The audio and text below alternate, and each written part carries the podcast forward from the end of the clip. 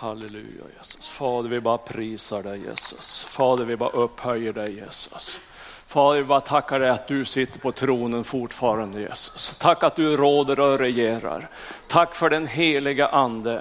Jag bara ber dig heliga ande kom över oss var och en idag. Heliga ande bara tala i våra hjärtan Fader. Lägg en längtan i våra hjärtan Fader att dra oss närmare och närmare dig Jesus. Jag bara prisar dig, jag bara prisar dig Fader. Jag är så tacksam att vara frälst idag Jesus. Att få vara renad i ditt dyrbara blod idag Jesus. Det är nåd utöver nåd Jesus. Gud, jag bara tackar dig för den här stunden som vi ligger framför Jesus. Bara tala in i var och ens hjärta. Jag bara beder dig om det i Jesu namn. Ja, jag hoppas att ni orkar en liten stund till. Jag har några punkter på mitt hjärta och eh, det handlar lite grann om fruktan, lite grann. om oro, om lite ängslan, vad det är för någonting egentligen. Jag tror så här, att oro, fruktan, det är mångt och mycket att jag litar inte fullt ut på Gud. Jag litar inte på vad Guds ord säger för någonting. Jag litar inte att han håller sitt ord för mig. Därför så ber jag ofta så här, Gud ge mig en ande av tro. För att det är en sak att tro en sak och det är en annan sak att lita på den. Det är inte samma sak.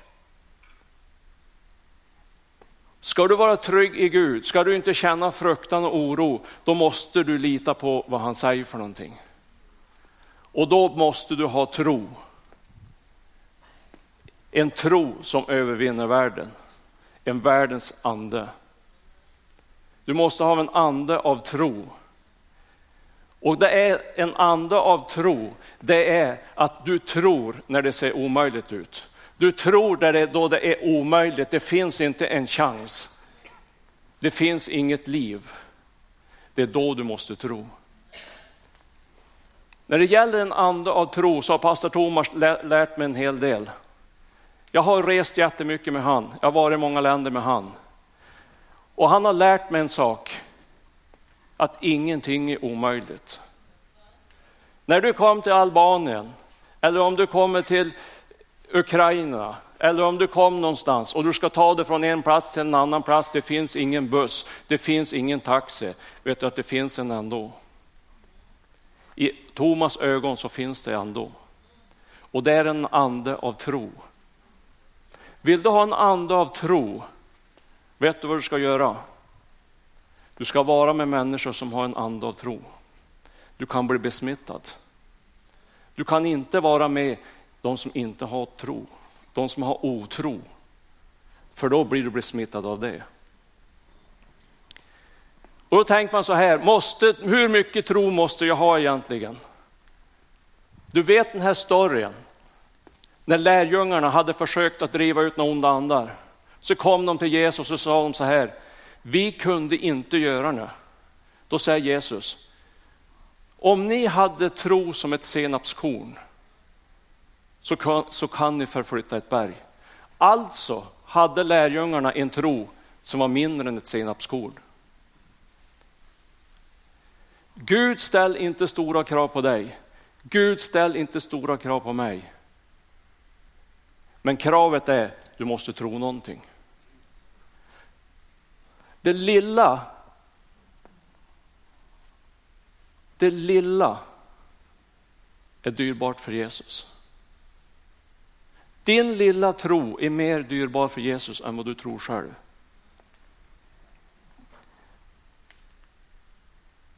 Och vad det handlar om, det är att du måste se i anden längre än vad du ser med dina fysiska ögon. Du måste tro på saker och ting som du inte ser. För det du ser, det behöver du ingen tro för. Det sköter sig själv. Det kan vem som helst tro på. Men det du inte ser, det är det du måste tro på. Du måste se lite längre än vad du ser med dina fysiska ögon. Och då har du ett val att ta. Du måste välja, ska jag tro på vad Guds ord säger? Eller ska vi ha tro på det omständigheterna säger? Det är ett val du måste fatta. Det är du som gör valet vad du ska tro på. Vi ska läsa en liten berättelse ifrån första konungaboken. Första konungaboken 17, vers 17, kapitel 17, 8-16. Då kom Herrens ord till Elia, han sade, stig upp och gå till Sarefat som hör till Sidon och stanna där. Se, jag har befallt en änka där att ge dig att äta. Han steg upp och gick till Sarefat.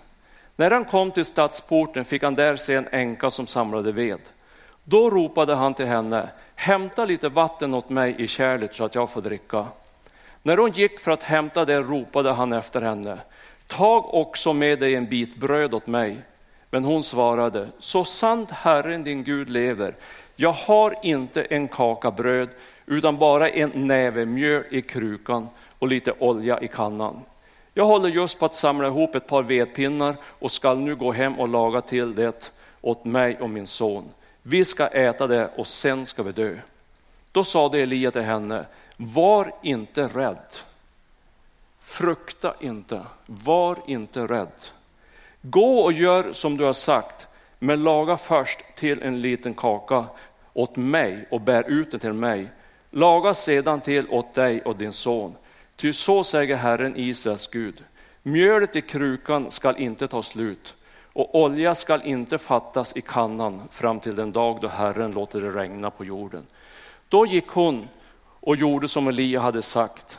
Hon hade, hon hade sedan att äta en lång tid, hon själv och han och hennes husfolk. Mjölet i krukan tog inte slut, olja fattades inte i kannan, enligt det ord som Herren hade lagt genom Elia.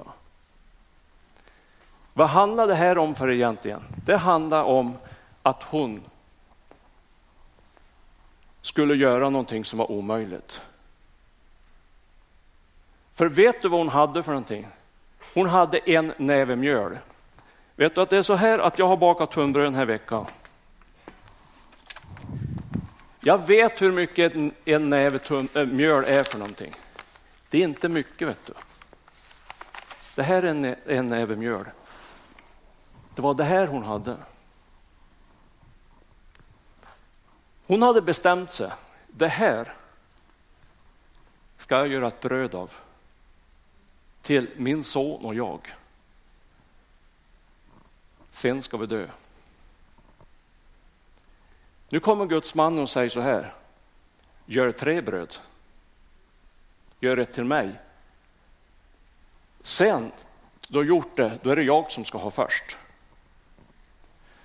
Den här kvinnan hon hade ett val. Vad gör jag med det jag har i handen? Det är litet, det är ynkligt. Mänskligt sett är det ingenting. Gör ett bröd och ge mig först. Vad tror du rörde i hennes huvud? Jag har bett flera, flera månader. Gud, ge mig mjöl. Jag måste ha bröd till min son och till mig. Inget hade hänt. Det kommer tilltal. Det lilla du har, ge bort det. Hon hade ett val.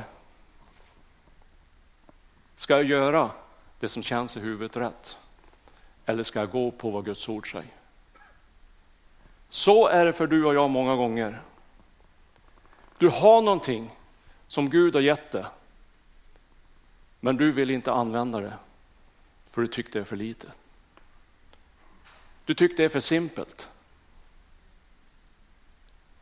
Men vet du, Gud använder det lilla till att göra någonting stort. Det här är inte mycket. Mänskligt sett är det här ingenting. Du kan gå och se på det här. Gud, kan du använda det här? det är ju ingenting. Och nu begär du att det lilla jag har, det ska ge bort. Hur kan du vara så hård mot mig?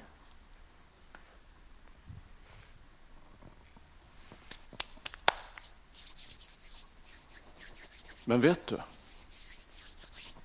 när du lyder Gud, när han är först, då är det där värt någonting. Då är det där värt någonting. Det hon höll i handen, det gällde hennes liv. Det gällde hennes liv. Det var på liv och död. Hon bestämde. Ska min son och jag överleva? Eller inte? Så där är det för du och jag många gånger. Det lilla du har, det är värt så oerhört mycket för Gud. Även om det så må vara ett ord, så kan det vara ett ord av guld. Jag har varit med om att ett ord har räddat livet på en människa. Jag har varit med om att det jag tycker är ingenting, det har varit dyrbart för Gud. Vad hade hänt om inte den här kvinnan hade trott på vad Guds ord har sagt? Om hon inte hade litat på,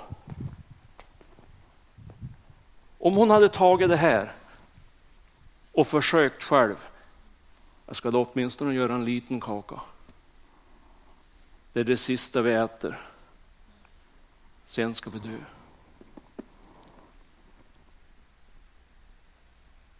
Men vet du, hon tog ett annat val. Hennes val, det var Gud, har du sagt det, då gör jag det. Gud, har du sagt att jag ska gå ut på mission, då ska jag gå. Första gången jag var till Albanien, vet du hur jag kände det så? Jag kände mig som den där mjölhögen. Det var ingenting.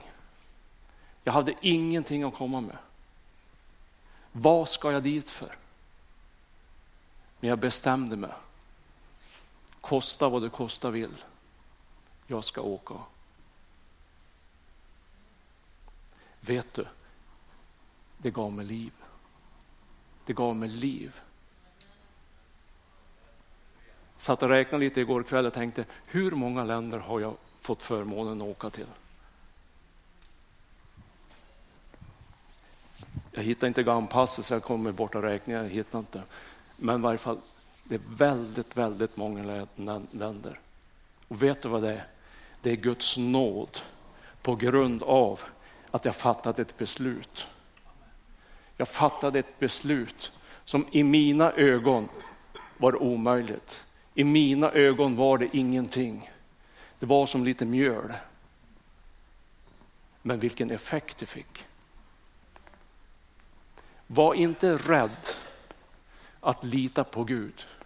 Vill du släppa fruktan, släppa ångest, lita på Gud. Du är mer dyrbar för Gud än du tror själv. Men vet du, ofta så sitter vi så här. Gud, använd mig. Gör precis vad du vill men du gör ingenting. Du sitter bara och väntar. Det har den här kvinnan kunde göra.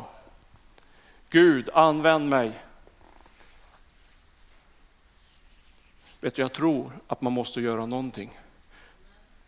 Du måste åtminstone baka en liten kaka av det bröd du har. Eller det mjöl du har. Du måste stiga upp och göra någonting.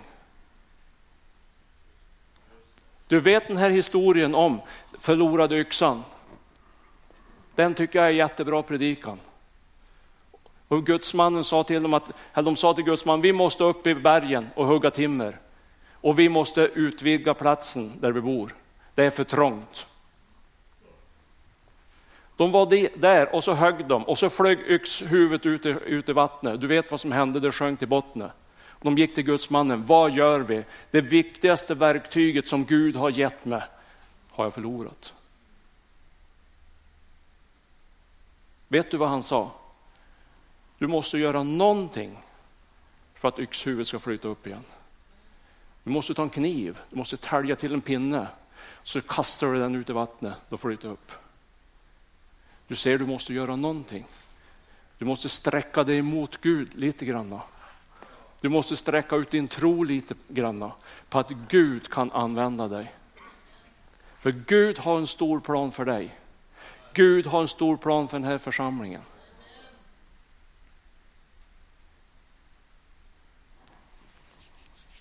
Jag ska inte hålla på så länge för att det, det drar ut på tiden så våldsamt, men jag ska läsa i varje fall ifrån Jesaja 54.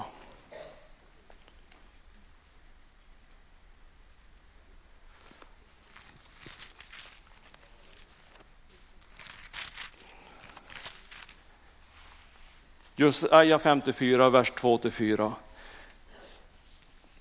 Utvidga platsen för din boning, spänn ut tältdukarna som du bor inunder och spar inte. Förläng dina tältlinor och gör din tältpluggar starka, ty du skall utbreda dig både åt höger och åt vänster. Dina avkomna ska ta hedningarnas länder i besittning och på nytt befolka ödelagda städer. Frukta inte, ty du skall inte komma på skam. Det här bibelordet det handlar väldigt mycket, vi brukar mycket, mycket liksom eh, jämföra det med att församlingen ska utvidga sig. Men vet du vad jag tror? Jag tror du personligen ska utvidga ditt tält. Du ska sträcka dig lite längre än vad du har gjort förut. Varför kallar du dig troende om du inte tror? Varför kallar man sig troende när jag inte tror att Gud kan använda mig. När man tror att det lilla mjöl jag har i handen, det kan inte Gud välsigna. Det ord det Gud har sagt till dig, genom profeter har lagt händer på dig. Varför tror du inte att Gud kan använda det? Du kallar ju dig troende. Vad gör en troende? Du tror på vad Guds ord säger.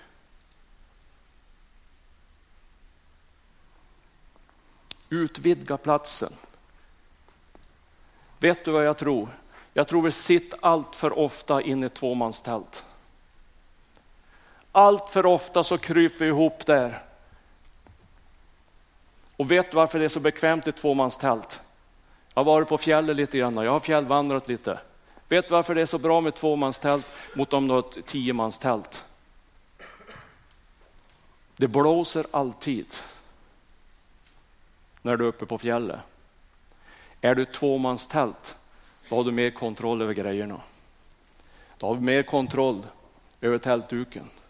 Det är därför det står, gör fast tältpluggarna rejält. För att när du börjar utvidga det, när du börjar gå på vattnet, då lovar jag det, då blåser det mer. Men står det att du kan knyta ut tältlinorna? Du måste göra någonting. Jag har tänkt så här. Vad ska jag göra egentligen för att utvidga min plats?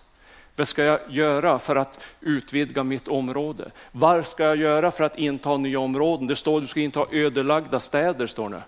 Vad är ödelagda städer? Det är områden i ditt och mitt liv som har haft liv förut men du har inte liv nu. Du har varit liv, det är därför du är överlagt nu. Du har förlorat någonting. Precis som den här som förlorar yxan. Det viktigaste vapnet du hade för ett antal år sedan, du har förlorat det.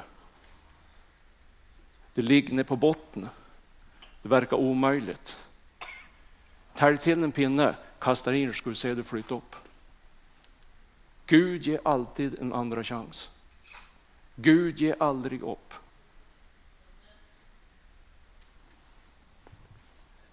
Jag tänkt på det här. att vi ska utvidga platsen, att jag ska utvidga min plats. Tro inte att jag har så stor en plats. Jag skulle ha mycket större. Och så står det att du ska skarv på, det står det, skarv på tältlinorna. Vet du vad du kan göra medan du skarv på tältlinorna? Jag tänk på det där. Man kan göra två jobb samtidigt. Jag kan börja sitta och knyta ihop tältlinen. Då kan jag ta nya steg i bön. Kan ta nya steg på olika områden. Jag kan prioritera tid på andra saker än vad jag gör nu. Därför att Gud vill att du ska ha ett vidgat område. Gud vill använda dig. Det lilla mjöl du har i handen, en näve. Vet du vad det stod efteråt? De åt. Hon, hennes son, hela husfolket. Det tog aldrig slut.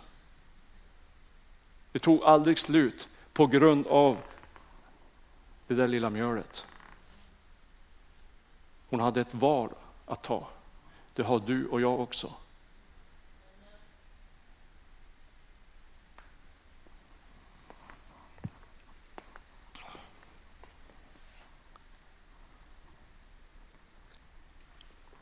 Vers 4 står det så här, frukta inte.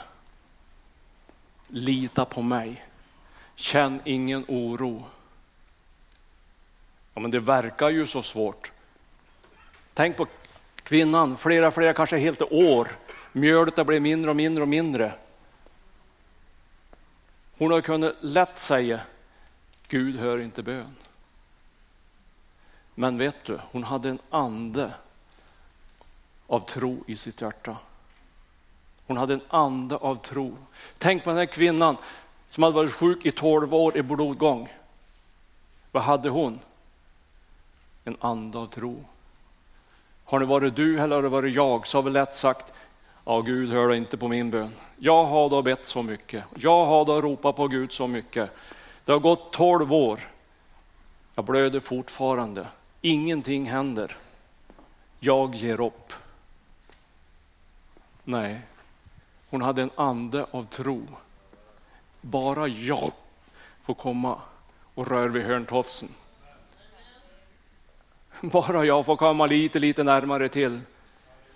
Då finns det hopp för mig. Bara jag, bara jag kan stappla mig. Jag är så svag. Jag har sån blod, blodbrist. Så jag kan nästan inte gå. Men jag har bestämt en sak. Kom Jesus i närheten, då, då ska jag släpa mig dit. För då, då finns det någonting för mig.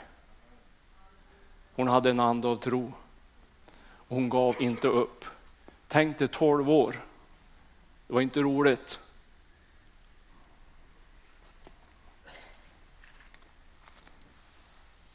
Första Korinthierbrevet 1 och 28 står det. Det som ingenting var. står en annan, inte den här översättningen det står ingenting, det står lite annorlunda, men det står en annan översättning. Det som ingenting var, det utvalde Gud. Jag är säker på att den här kvinnan som hade det här mjölet, hon kände sig, det är ingenting. Gud, det är ingenting. Jag har ingenting att komma med. Men hon hade ett ord från Gud. Baka tre kakor och ge bort den första. Mänskligt sett så var det nog svårt att göra en. Jag bakade ett antal dagar. Jag vet att det där är ingenting när du ska baka någonting.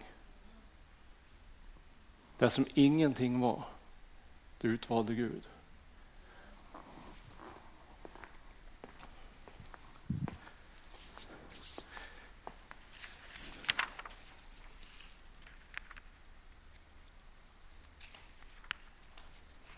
Och vet du? Jag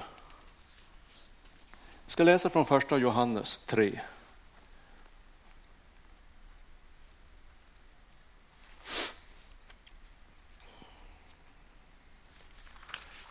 Första Johannes 3.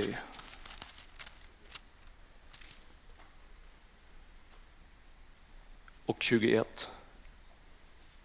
Mina älskade, om hjärtat inte anklagar oss är vi frimodiga inför Gud. Vet du att den största striden du och jag har, det är på insidan av oss själva. Det är så lätt att anklaga oss själva. Att jag kan ingenting. Jag har ingenting. Jag har bara det här lilla mjölet. Och det kanske jag får skylla mig själv för jag har gjort si och gjort så. Så därför så har jag så lite kvar. Jag har ingenting att komma med. Det står i Romarbrevet 8 och 1, det finns ingen fördömelse för dig som är i Kristus Jesus. Det är en sanning som varje troende borde påminna sig om varje dag. Är jag renad i Jesu blod, är jag frälst, finns ingen fördömelse. Och när hjärtat inte anklagar dig, då kan du vara frimodig inför Gud, står nu. Då kan du komma och då kan du begära. Varför är det så viktigt att du ska sträcka ut tältpinnarna?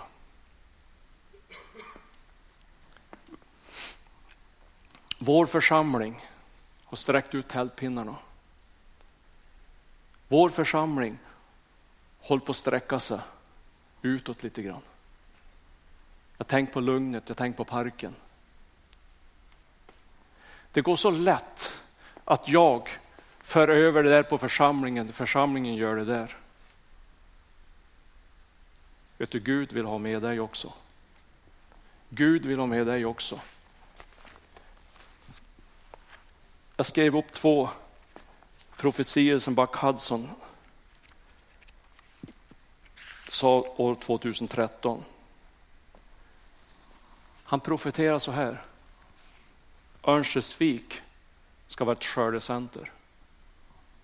Visst vill vi ha skörd. Vi ber och ropar till Gud om skörd. Men du kanske måste göra någonting. Du kanske måste använda det mjöl du har i handen. Så står det så här, har så här, Gud kommer att placera en, en unik skola i Övik. Ska vi ta Guds profetier på allvar? 2003 profeterade han det. Då tror jag det är dags att vi börjar sträcka ut tältpluggarna, tältduken. Att vi börjar inta områden som det stod ödelagda städer. Du kanske har ett område i ditt liv som har haft liv förut men inte nu. Du måste blåsa liv i den igen.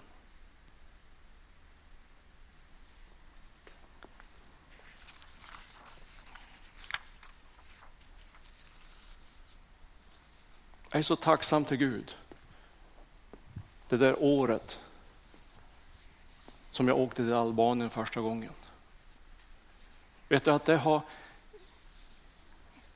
ekat i mitt liv sedan dess.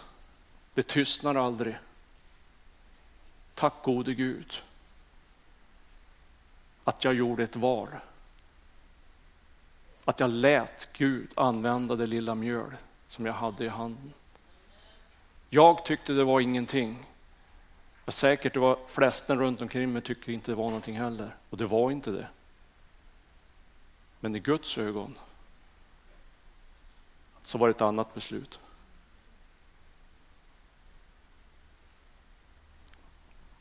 Jag är så oerhört glad och tacksam att jag får vara med. Det är bara nåd utöver nåd. Vet du hur jag känner mig ibland?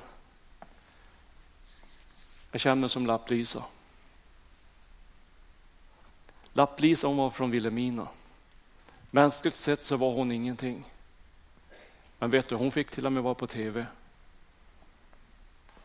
Hon fick proklamera ut på tv. Jag minns det så väl, jag såg henne.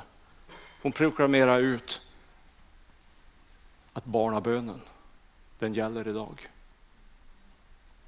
Att Gud ser till ditt hjärta, liten som stor.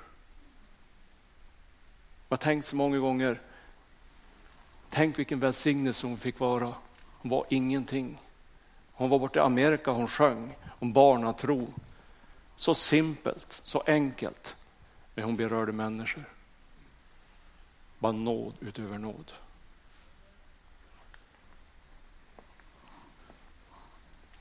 Frukta inte.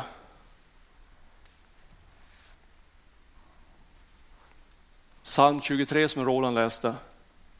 Frukta inte även om du går genom dödsskuggans dal. Jag tror att ord till någon idag. Du känner fruktan, du känner oro inför döden. Du känner ångest, du har ängslan, du har dödsfruktan i ditt hjärta. Jag vet att du är här idag och du känner det så.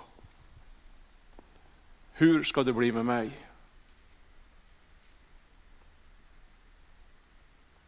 Jag är frälst. Ja, du är frälst. Men ändå känner du fruktan inför döden. Du är renad i Jesu blod.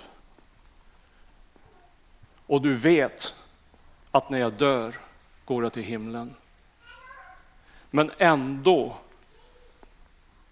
känner du fruktan. Ändå känner du oro. Egentligen skulle du bara känna bara frid. Men det är så nu. Du känner oro, du känner fruktan. Vi ska be för dig ikväll, idag. Att den fruktan får bara gå i Jesu namn. Hur kan det gå i Jesu namn? För att det står i Guds ord. Även när du går genom dödsskuggans dal, frukta inte. Ty, jag är med dig. Du behöver inte oroa dig hur det kommer till att bli. Du behöver inte känna ängslan hur du ska bli de sista andedragen du drar. Du kan bli fri från det. Det kan vara jobbigt att tänka på döden. Det kan vara jobbigt att tänka, nu drar jag mitt sista andetag. Då är du i dödsskuggans dal. Men du ska inte börja känna oro. Du ska inte börja känna fruktan. Ty jag är med dig. Det handlar om en ande av tro. Du måste tro vad Gud säger. Jag är med dig, även om det inte känns så. Det känns inte som Gud är med mig alla gånger, men du måste ha en ande av tro.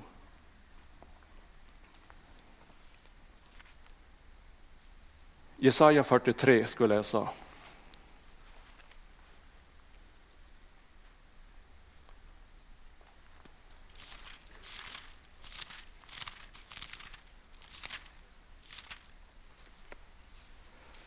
Fyrtiotre, vers 1-3. Frukta inte, ty jag har återlöst dig.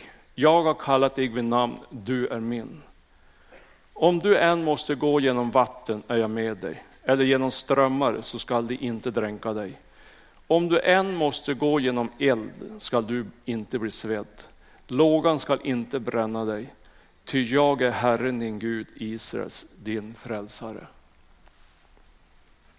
Stå på det där bibelordet när du börjar och knyta ihop tältlinorna. När du har börjat och tänker nu ska jag skarva ut tältlinorna. Nu ska jag fara till en tältmakare och skaffa mig lite större tält. Det här är för trångt. Gud har större planer för mig. Stå på det där bibelordet. För jag lovar dig, ju större tält du har, då blåser det mer.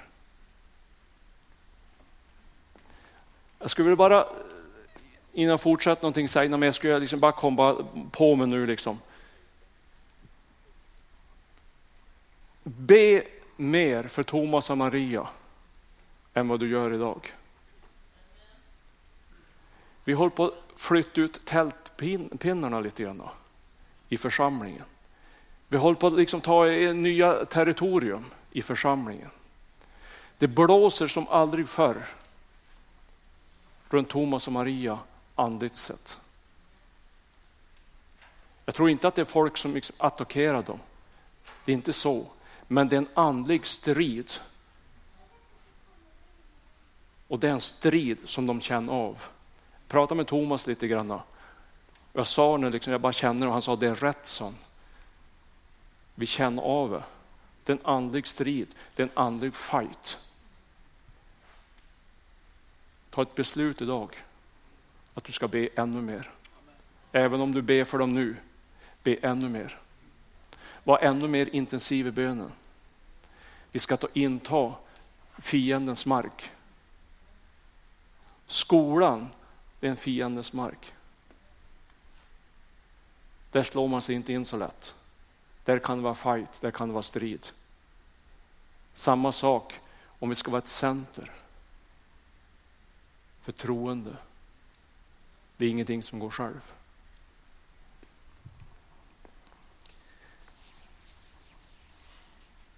Gud är mer intresserad av den här mjölhögen än du tror. Tänk på det. Gud är mer intresserad att du ska baka en kaka. Att du ska göra någonting för Guds rike.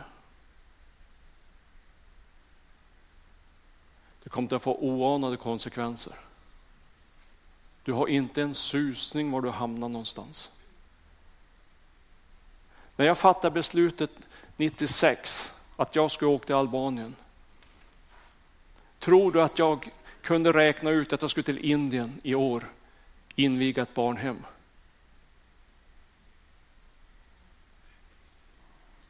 Fanns inte i fantasin. Du kunde inte räkna ut, du kunde inte säga så tokigt åt jag. Trodde, jag, trodde du att jag skulle kunna liksom föreställa mig att, att i Chennai ha ett pastorsmöte för 200 pastorer, de som vet mycket mer än jag.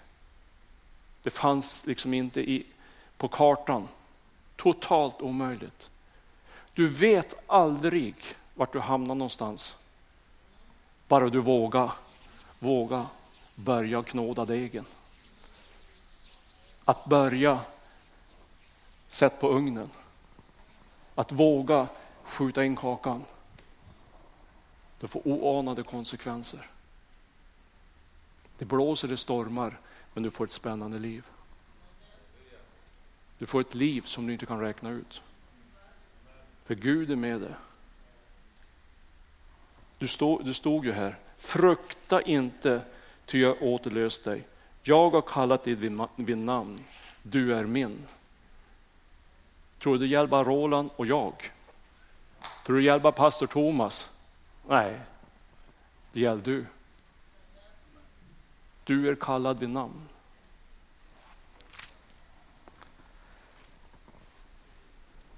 Står i Jesaja 12, frukta inte. Med fröjd ska du ösa ur frälsningens källor. Med fröjd, med glädje. Du kan vara tacksam att du är frälst, du kan vara tacksam att du renade Jesu blod.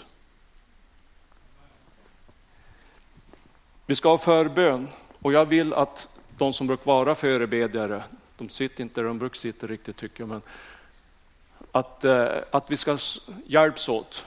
Och du som känner fruktan, du som känner oro för någonting, du ska stå här idag.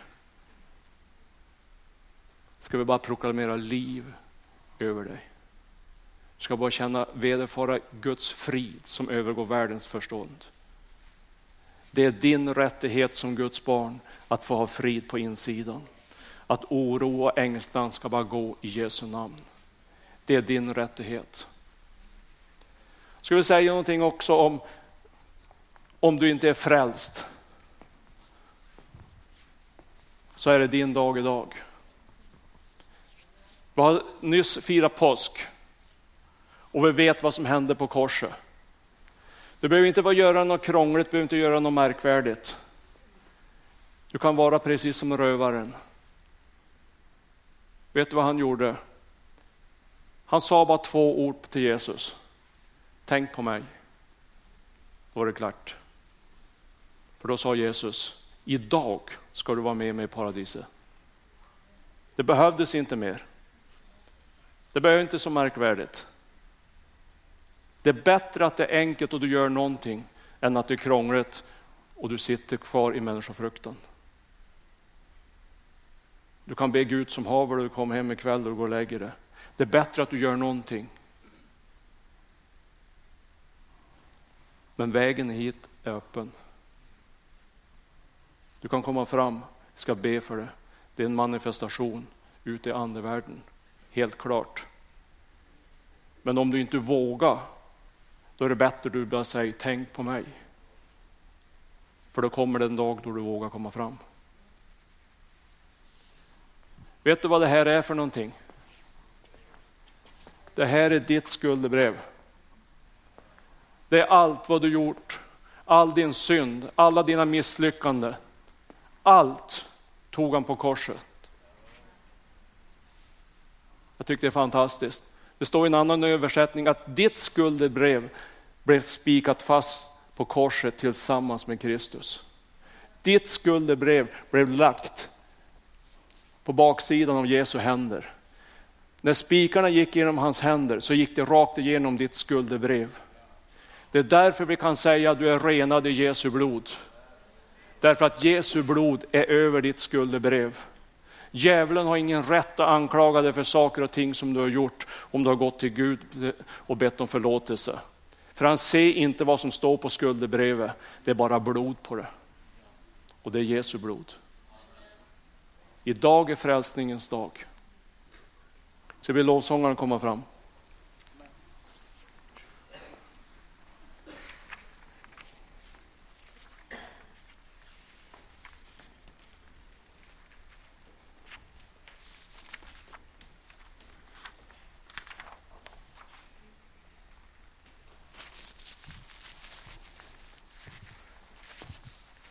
Har den här mjölhögen talat till dig idag så ska du komma fram. För jag tror att det är jättemånga här som har en näve mjöl. Och du vet inte vad du ska göra med det. Ska jag göra det hjärtat som det känns på insidan? Eller ska jag lita på vad Guds ord säger? Gud har lagt någonting i ditt hjärta som inte du har använt. Kanske det är någon som har profeterat över det. Kanske du har fått ett profetiskt ord och åren går och du tänker så här att inte det profetordet ska gå i uppfyllelse någon gång. Jag har ju väntat så länge. Vet du att du har väntat tillräckligt länge? Du måste göra någonting. Du måste ta ett steg. Du måste se vad Guds ord säger för någonting. Du måste se att det finns något värde i det lilla mjöl du har. Du måste börja knåda degen och du ska se att det blir sån välsignelse. Du ska se att det är så mycket du kommer att få vara med om.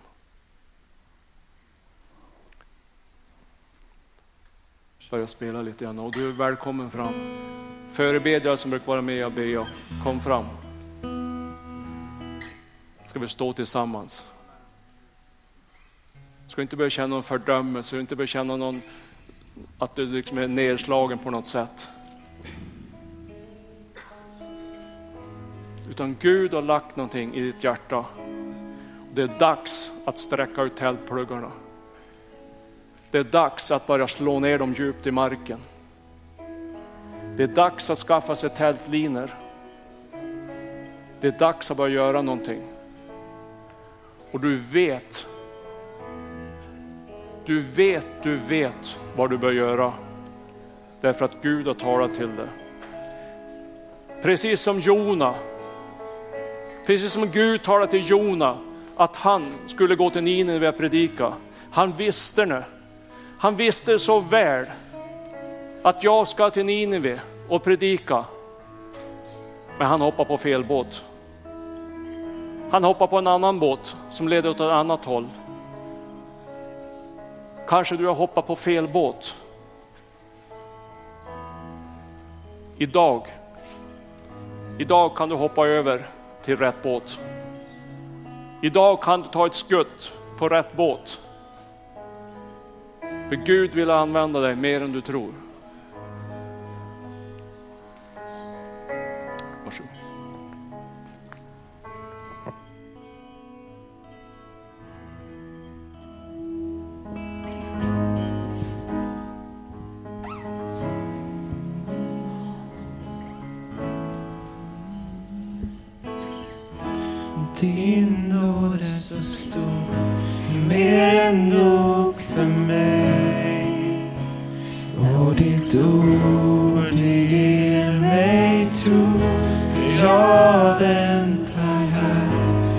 Kom nära mig. Låt din ande förnya mig. Jag faller ner inför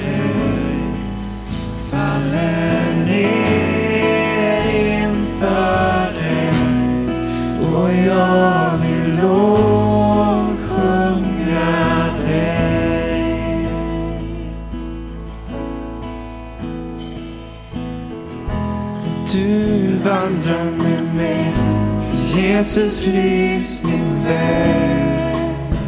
Genom kraften av ditt ord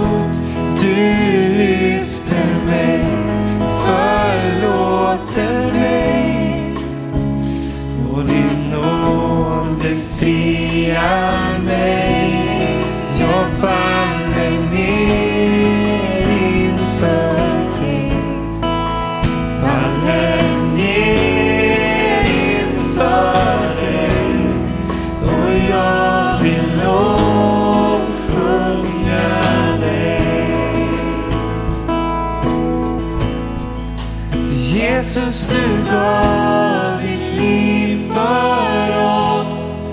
Du offrade livet på ett kors. Kärlek så stor skölj över oss. Du är vår Gud. Jesus, du är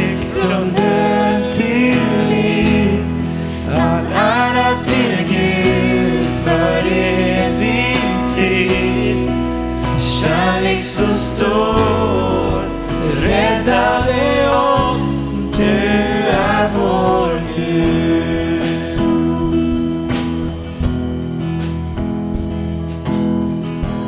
Du vandrar med mig, Jesus lys min väg. Genom kraften av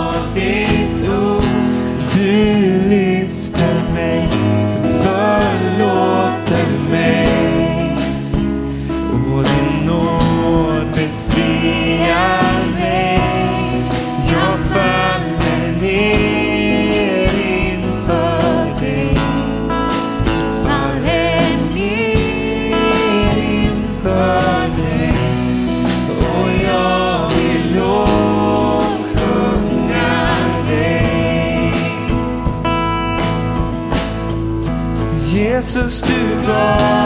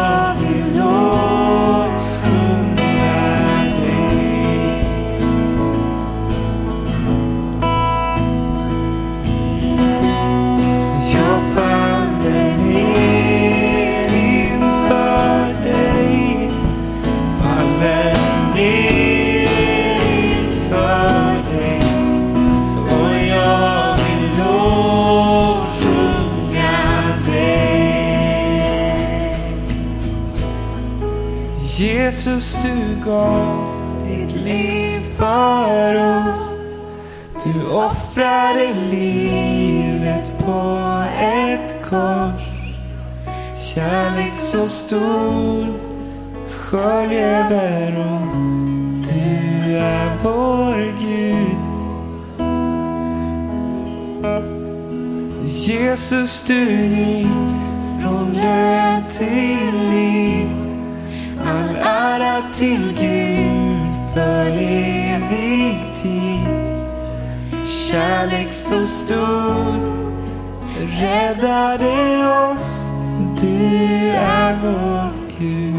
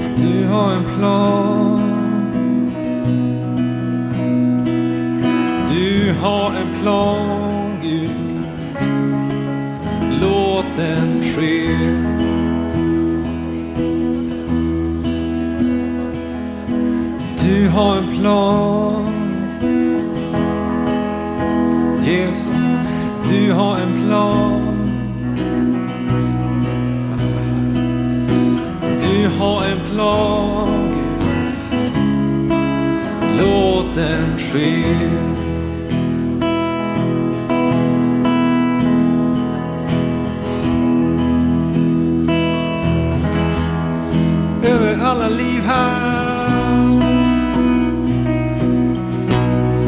Över alla oss som står här, Gud. Du har en plan. Du har en plan för oss. Så låt den ske. Låt den ske.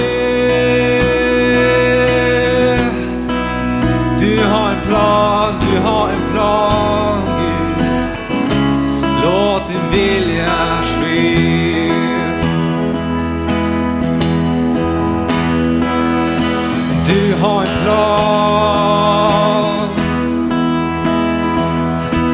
Du har en plan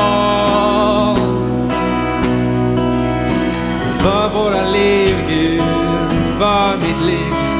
Låt den ske.